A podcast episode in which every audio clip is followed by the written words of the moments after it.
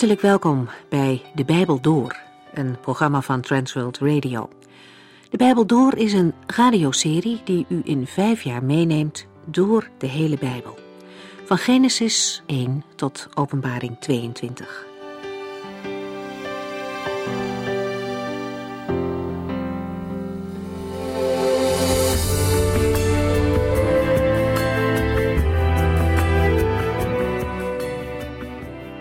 We zijn bezig in het Bijbelboek Maleachi. In hoofdstuk 1 hebben we een ernstige boodschap gehoord. Allereerst een boodschap voor de mensen uit de tijd van Maleachi, maar het is toch ook een woord waar wij iets mee moeten doen. De eerste woorden zijn een liefdesverklaring van de Heere. Hij herinnert hen eraan dat hij innig veel van hen houdt, maar de Heere is teleurgesteld in het gebrek aan wederliefde van zijn volk. Jullie minachten mij, moet de profeet zeggen. De liefde van God voor ons is één kant, maar er is meer. Ook de Heere heeft een verlangen. Hij heeft ook verwachtingen van ons.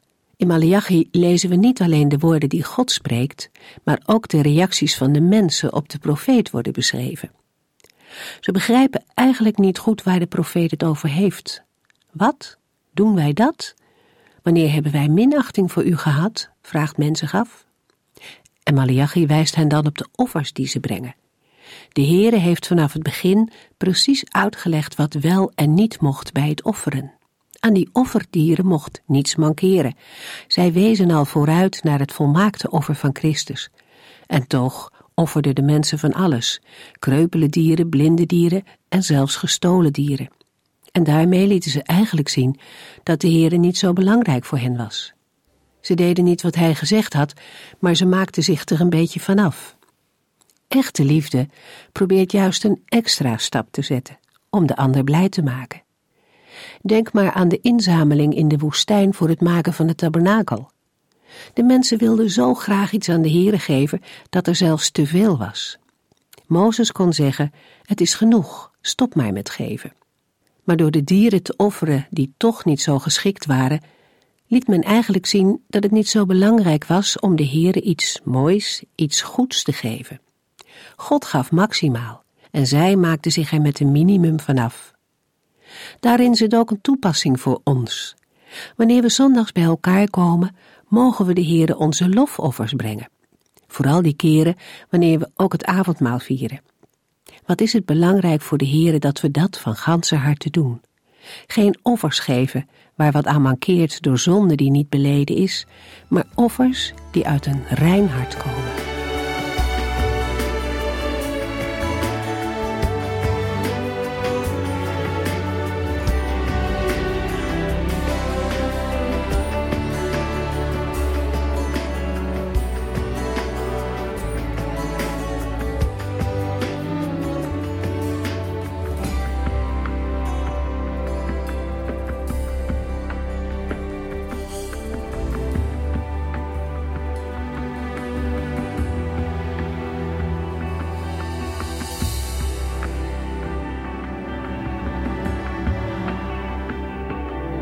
De vorige uitzending sloten we af met Malachi 1 vers 13, waar we lazen... U zegt wel, wat is het moeilijk God te dienen en te doen wat hij vraagt, maar zijn geboden worden veracht. Stel u toch eens voor, gestolen, kreupelen en zieke dieren als offer voor God. Zou ik zulke offers met genoegen aanvaarden? vraagt de Heer. In Malachi 1 vers 12 en 13 spreekt de profeet de priesters aan. Zij ontheiligen de naam van de Heere door het altaar en de offers van de Heere te verontreinigen. Net als in vers 8 wordt in vers 13 gezegd op welke manier de verontreiniging van het altaar, de verachting en minachting van de geboden van de Heere plaatsvindt. Maar het eerste wat Malachi hen voorhoudt, is het verwijt dat de priesters zeggen: wat is het moeilijk God te dienen en te doen wat Hij vraagt? In plaats van hun werk en taak als een voorrecht te zien, klagen de priesters. Wat is het moeilijk God te dienen en te doen wat Hij vraagt? De verontreiniging en de minachting blijkt uit het feit dat zij toestaan dat de Israëlieten dieren brengen om te offeren die niet voldoen aan de voorwaarden van de Heere. De offers die we uit het Oude Testament kennen, waren niet bedoeld om iets van God gedaan te krijgen, zoals we dat in de heidense godsdiensten rondom Israël tegenkomen. Ze hebben eerder te maken met het zuiver houden van de relatie met de Heere God. Na de zonvloed bracht Noach een offer aan God. Job bracht offers om vergeving van zonde te bewerkstelligen. In het Bijbelboek Genesis lezen we dat de aartsvaders steeds altaren bouwden en offers brachten als ze de naam van de Heer aanriepen. Op een dag vroeg de Heer aan Abraham om zijn enige zoon en erfgenaam aan hem te offeren. Het grootste offer dat God ooit van een mens heeft gevraagd. We lezen in Hebreeën 11, vers 17 tot en met 19. Omdat Abraham op God vertrouwde, heeft hij, toen God hem op de proef stelde, zijn zoon Isaac op het altaar gelegd om hem te offeren. Hij was bereid zijn enige zoon aan God te offeren, hoewel God hem had beloofd: Door Isaac zult u vele nakomelingen krijgen. Hij rekende erop dat God Isaac ook weer levend zou kunnen maken. En dat is in zekere zin ook gebeurd. Voor Abraham was Isaac eigenlijk al dood, maar hij kreeg hem van God terug. De Heere vroeg dat niet om Abraham iets te ontnemen of om hem ongelukkig te maken. Het was ook Gods bedoeling niet om het brengen van mensoffers in te stellen. Integendeel. Door zijn offerbereidheid zou Abrahams relatie met de Heere tot ongekende hoogte stijgen en zou hij een eeuwigdurende hoge beloning van de Heere ontvangen. Later heeft God aan Mozes een gedetailleerd offersysteem aangereikt, maar daar waren geen offers van mensen bij. In het Bijbelboek Leviticus zijn de offerdiensten uitvoerig beschreven. Als we de beschrijvingen lezen van de offers in de eerste Bijbelboeken, valt direct op dat er veel details worden genoemd waaraan de offers moeten voldoen. Het laat zien dat offers zuiver moeten zijn. De volgorde in het Bijbelboek Leviticus laat iets zien van de prioriteiten die de Heere vraagt en stelt. De eerste twee soorten offers zijn vrijwillige offers, die gebracht mogen worden vanuit liefde en toewijding tegenover God.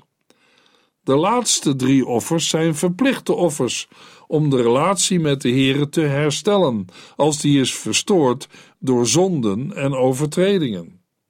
Het soort offer waar de Heere het meest naar verlangt, is de liefdevolle toewijding van iemands hart, vanuit een afhankelijke en nederige grondhouding.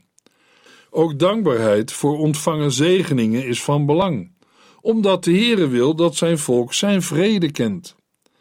Daarna komen de offers die te maken hebben met zonde en schuld. Deze zijn evengoed belangrijk, maar worden niet als eerste genoemd. Alleen het allerbeste is goed genoeg voor de Heere. En offers moeten worden gebracht vanuit een gereinigd, toegewijd hart. Vanuit dit gezichtspunt is de klacht van de Heere over de priesters in de tempel goed te begrijpen. Vooral omdat we weten uit het Bijbelboek Leviticus dat een offerdier een van de reine dieren moest zijn en geen enkel gebrek mocht hebben.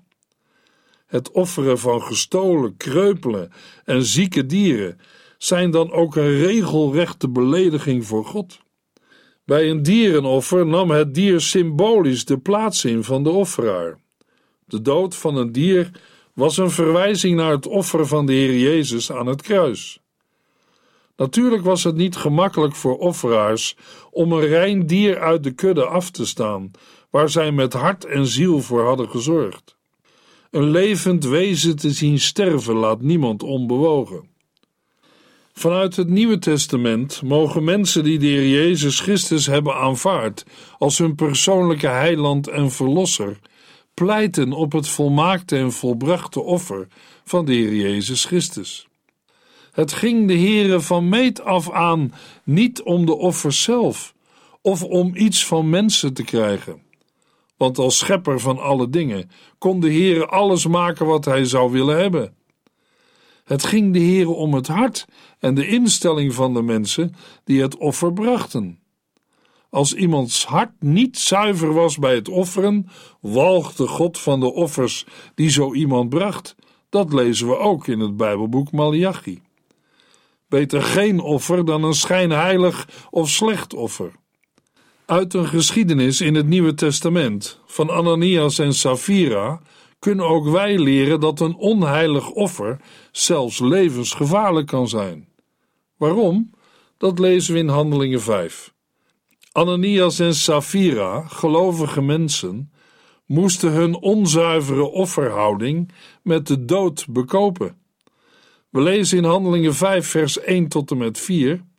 Ook een zekere Ananias verkocht een stuk land, maar hij hield, met instemming van zijn vrouw Safira, een deel van de opbrengst achter.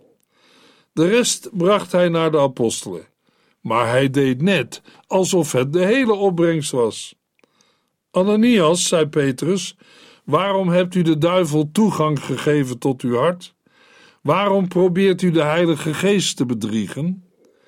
Waarom zegt u dat dit de hele opbrengst van het land is, terwijl u een deel ervan achtergehouden hebt? U had het land niet hoeven verkopen. Het was uw eigendom, en nadat het verkocht was, mocht u zelf weten wat u met het geld deed. Hoe kon u zo ver komen? U hebt niet tegen mensen gelogen, maar tegen God. Toen Ananias dat hoorde, zakte hij in elkaar en stierf. Iedereen was vreselijk geschrokken. Hetzelfde gebeurde drie uur later met zijn vrouw Safira. Ook zij had op de vragen van Petrus dezelfde antwoorden gegeven als haar man Ananias. Handelingen 5 is een negatief voorbeeld van gemeenteleden die met een verkeerde mentaliteit een eigendom verkochten. Uit vers 3 blijkt dat ook Ananias en Safira vervuld waren met de Heilige Geest. Daarom gaat het bij hen ook niet om onwetendheid of onbekendheid met de wil van God, maar om een bewuste keuze. Willens en wetens zondigden zij tegen de waarschuwende stem van de Heilige Geest in. En dan is er, naar Hebreeën 10 vers 26, geen offer meer over om onze zonden weg te doen. Het leek misschien alleen een misleiden van de apostelen en de andere gelovigen. Maar het blijkt een bedrieger van de Heilige Geest te zijn. De zonde van Ananias en zijn vrouw Safira was niet dat zij een gedeelte van de opbrengst voor zichzelf hielden.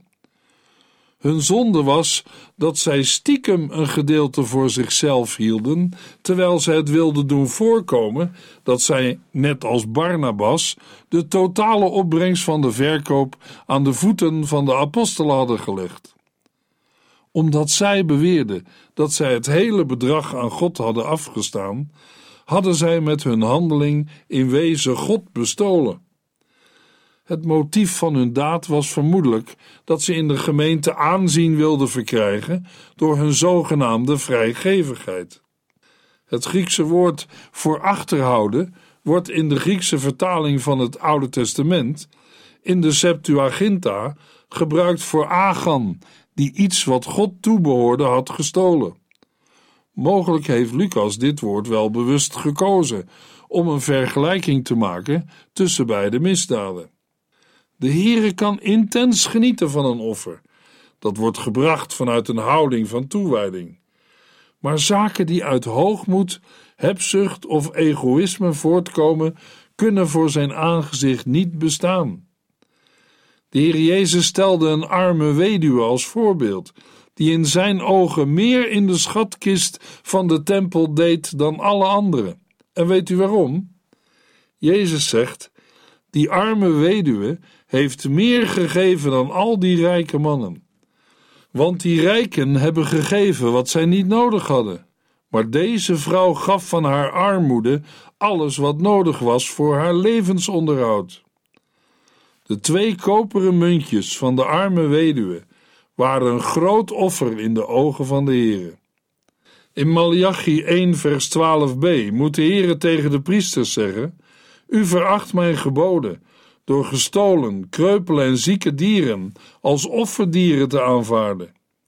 Blijkbaar kan de dienst voor de Heer in de tempel hen niet meer inspireren. Mogelijk zijn ze door allerlei gebeurtenissen teleurgesteld in God en zeggen ze daarom: wat is het moeilijk God te dienen en te doen wat Hij vraagt. Ze staan niet meer in vuur en vlam voor de Heere. De eerste liefde is verdwenen en er worden compromissen gesloten. De armen onder het volk kunnen toch niet het beste vee dat ze nog hebben offeren. De controle wordt minder. En dan weet je niet meer of de offerdieren aan de voorwaarden van de Heere voldoen. En worden er gestolen offerdieren en kreupele en zieke dieren als offer voor God gebracht. Maar daar kan de Heere geen genoegen mee nemen. De boosheid en de woede van de Heere klinkt door in de woorden van Malachi 1 vers 14. Vervloekt is de man die een mooie ram uit zijn kudde belooft, maar hem later vervangt door een ziek dier als offer aan de Heere. Want ik ben een groot koning, zegt de Heere van de hemelse legers, en alle volken hebben diep ontzag voor mij. De achtergrond van de woorden van vers 14 is dat mensen de Heere dingen beloven, maar het niet doen. Iemand heeft voor het aangezicht van de Heere een gelofte afgelegd. Bijvoorbeeld, als de Heere hem helpt, zal hij een mooie ram uit zijn kudde aan de Heere offeren. Maar als het dan zover is dat hij zijn gelofte moet inlossen, wil hij zich er zo goedkoop mogelijk van afmaken. En ondanks het feit dat hij een mooie ram in zijn kudde heeft, geeft hij de Heere, de grote koning en de Heere van de hemelse legers, een ziek dier als offer. Een mooie ram zonder gebreken was het meest waardevolle offerdier en was ook voorgeschreven bij het inlossen van een gelofte of een vrijwillig offer. We zagen al eerder dat het offeren van dieren die blind, kreupel of gestolen waren, verboden was. Malachi 1 sluit af met de mededeling: Want ik ben een groot koning, zegt de Heere van de hemelse legers, en alle volken hebben diep ontzag voor mij. Iemand die de Heere gestolen, kreupele en zieke dieren geeft, heeft geen respect en ontzag voor God. Malachi 2, vers 1 en 2. Laat de priesters luisteren naar deze waarschuwing van de Heere van de hemelse legers. Als uw gedrag niet verandert en u mij niet eert, zal ik u treffen met een vreselijke straf. In plaats van u te zegenen, zal ik u bedelven onder vervloekingen. Ja, ik heb mijn zegen al in vervloeking veranderd, omdat de dingen die voor mij erg belangrijk zijn, niet serieus worden genomen. In Malachi 2 luisteren wij verder naar het tweede van de zes gesprekken die de Heer met zijn volk in Jeruzalem voert via de profeet Malachi. Dit tweede gesprek is veruit het langste. De lengte heeft alles te maken met het gespreksonderwerp, de eer van de Heere. Om die eer, waarbij God als vader krijgt wat hij waard is, en als koning waar hij recht op heeft, gaat het immers in al Gods werken. Om die eer gaat het in zijn scheppingswerk. Zoals Psalm 19, vers 2 het verwoordt: De hemelen vertellen over Gods grote eer, en het hemelgewelf spreekt over zijn scheppend werk. Gods werk laat zien wie hij zelf is. De heerlijkheid van de Heere straalt er vanaf. En zo is het in alles. God heeft de mens geschapen, opdat de mens zijn naam zou verheerlijken op aarde. In Psalm 72, vers 19 lezen we: Voor eeuwig zal zijn heerlijke naam worden geloofd en geprezen. Laat de hele aarde vol zijn met zijn aanwezigheid. Waar de Heere niet aan zijn eer komt, gaat het tenslotte voor eeuwig fout. Daar is een leven ten diepste zinloos en doelloos. Om er een voorbeeld van te geven, wijs ik op de geschiedenis van koning Belshazzar in Daniel 5. Nadat Daniel koning Belshazzar het leven van zijn vader Nebukadnessar heeft voorgehouden, zegt hij in Daniel 5, vers 22 tot en met 25 tegen Belshazzar: U, zijn zoon Belshazzar, was van dit alles op de hoogte. Maar u hebt u desondanks niet vernederd. Want u hebt zich boven de heren van de hemel willen verheffen en u hebt deze bekers, die uit zijn tempel afkomstig zijn, hier laten brengen. U en uw hoge ambtenaren, vrouwen en bijvrouwen, hebben daaruit wijn gedronken en het glas geheven op uw afgoden, die niet kunnen zien of horen of iets begrijpen. Maar u hebt niet de God vereerd die uw adem in zijn hand heeft en over uw levenslot beschikt. Daarom heeft God deze vingers gestuurd om deze boodschap op te schrijven. Mene, mene, tekel oeverzien. En de uitleg daarvan is: God heeft de dagen van uw regering geteld en ze zijn ten einde. U bent gewogen en te licht bevonden. Uw koninkrijk zal aan de Meden en Perzen worden gegeven.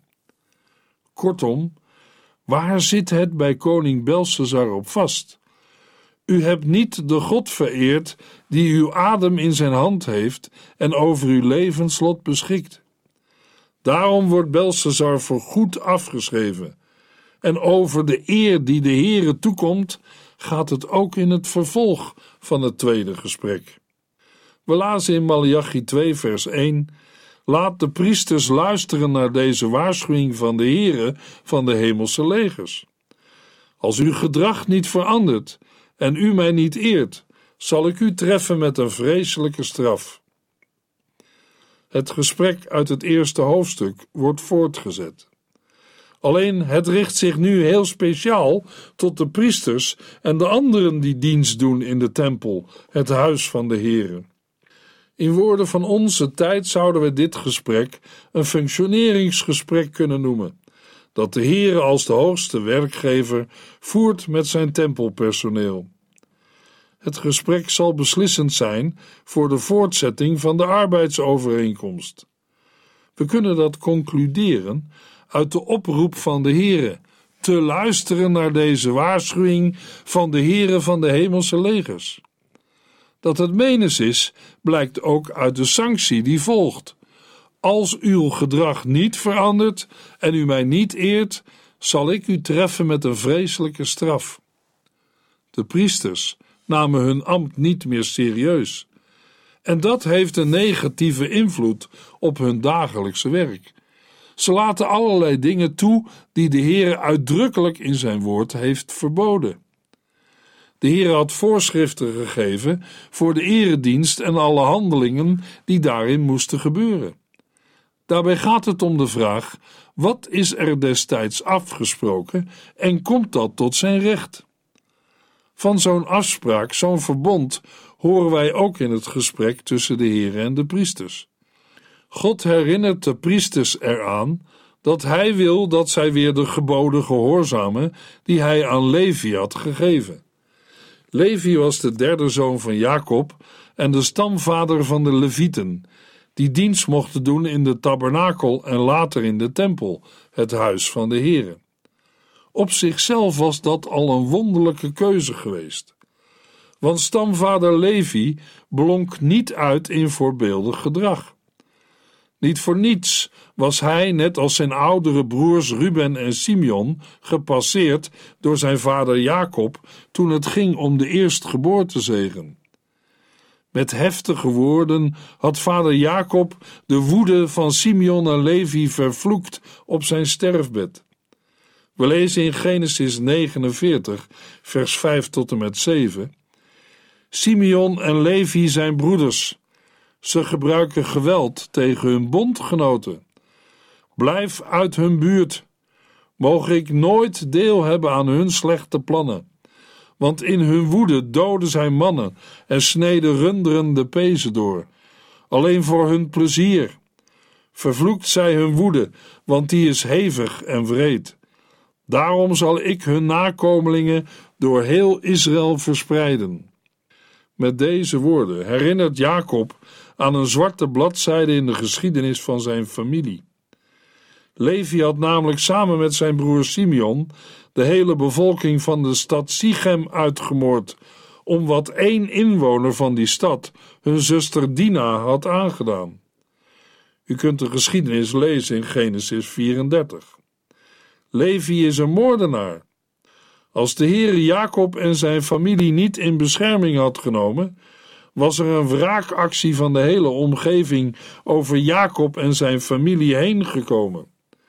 Het voortbestaan van de nakomelingen van Abraham was door het eigenmachtige en buitensporige geweld in groot gevaar gebracht. Uiteindelijk is de eerstgeboortezegen naar Juda gegaan. Maar terwijl wij van Simeon, zijn handlanger, en van Ruben, die om andere redenen door Jacob was gepasseerd, voor de eerstgeboortezegen, in de Bijbel niet veel meer horen, krijgt Levi later de eervolle taak om dienst te mogen doen in het huis van God. Mozes, die het volk ook heeft gezegend, mag van Levi zeggen: Want de Heer is zelf zijn erfdeel. De moordenaar van Sichem mag de dienst van verzoening en voorbeden verrichten in de tabernakel en de tempel. De stam die een gevaar was voor het voortbestaan van Israël en die daarom verstrooid moest worden onder het volk en gebroken moest worden in zijn kracht, krijgt in Deuteronomium 33 vers 10 de opdracht: De Levieten zullen Israël onderwijzen in uw wetten en zullen voor u werken bij het reukaltaar en het brandofferaltaar. De Heere heeft de vloek in een zegen veranderd. Bij de dans rond het gouden kalf bij de Sinai had Levi niet meegedaan, en na een oproep van Mozes had Levi het opgenomen voor de heiligheid van de Heere en gestreden voor Gods eer, zonder aanzien des persoons. Met die Levi had de Heere een verbond gesloten, een afspraak gemaakt. Daaraan worden de afstammelingen van Levi die dienst doen in de tempel na de ballingschap herinnerd. Gods verbond met de stam van Levi was natuurlijk op zichzelf al een bewijs van Gods medelijden, en de herinnering eraan is al een teken van Gods goedheid en genade. De Heer had Levi leven en vrede beloofd. Dat betekende dat Levi mocht leven voor Gods aangezicht, een leven met God. God gaf Levi een diep besef van zijn heiligheid. Door de Heilige Geest mogen de Levieten weten wie de Heer is. Maar daarover meer in de volgende uitzending. In Malachi 2, vers 2 tot en met 9.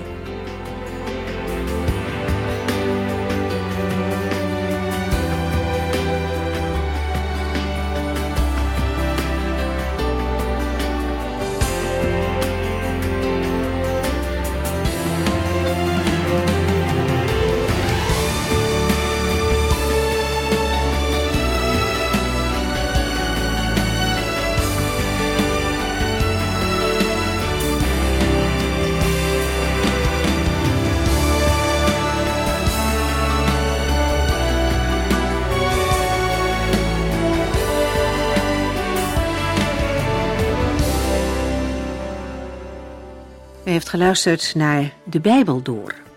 In het Nederlands vertaald en bewerkt door Transworld Radio. Een programma waarin we in vijf jaar tijd de hele Bijbel doorgaan.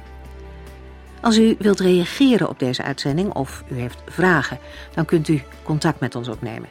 Tijdens kantooruren kunt u bellen op 0342 47 8432. 0342 47 8432. 32. Ook kunt u een e-mail sturen naar de Bijbel door transworldradio.nl en natuurlijk kunt u ook via de post ons bereiken. TWR, postbus 371, postcode 3770, AJ in Barneveld. Dit programma werd gepresenteerd door Cor Weda en Ike André. Techniek was in handen van Odin van Woerdenkom. En namens ons allemaal bedanken we u van harte voor het luisteren.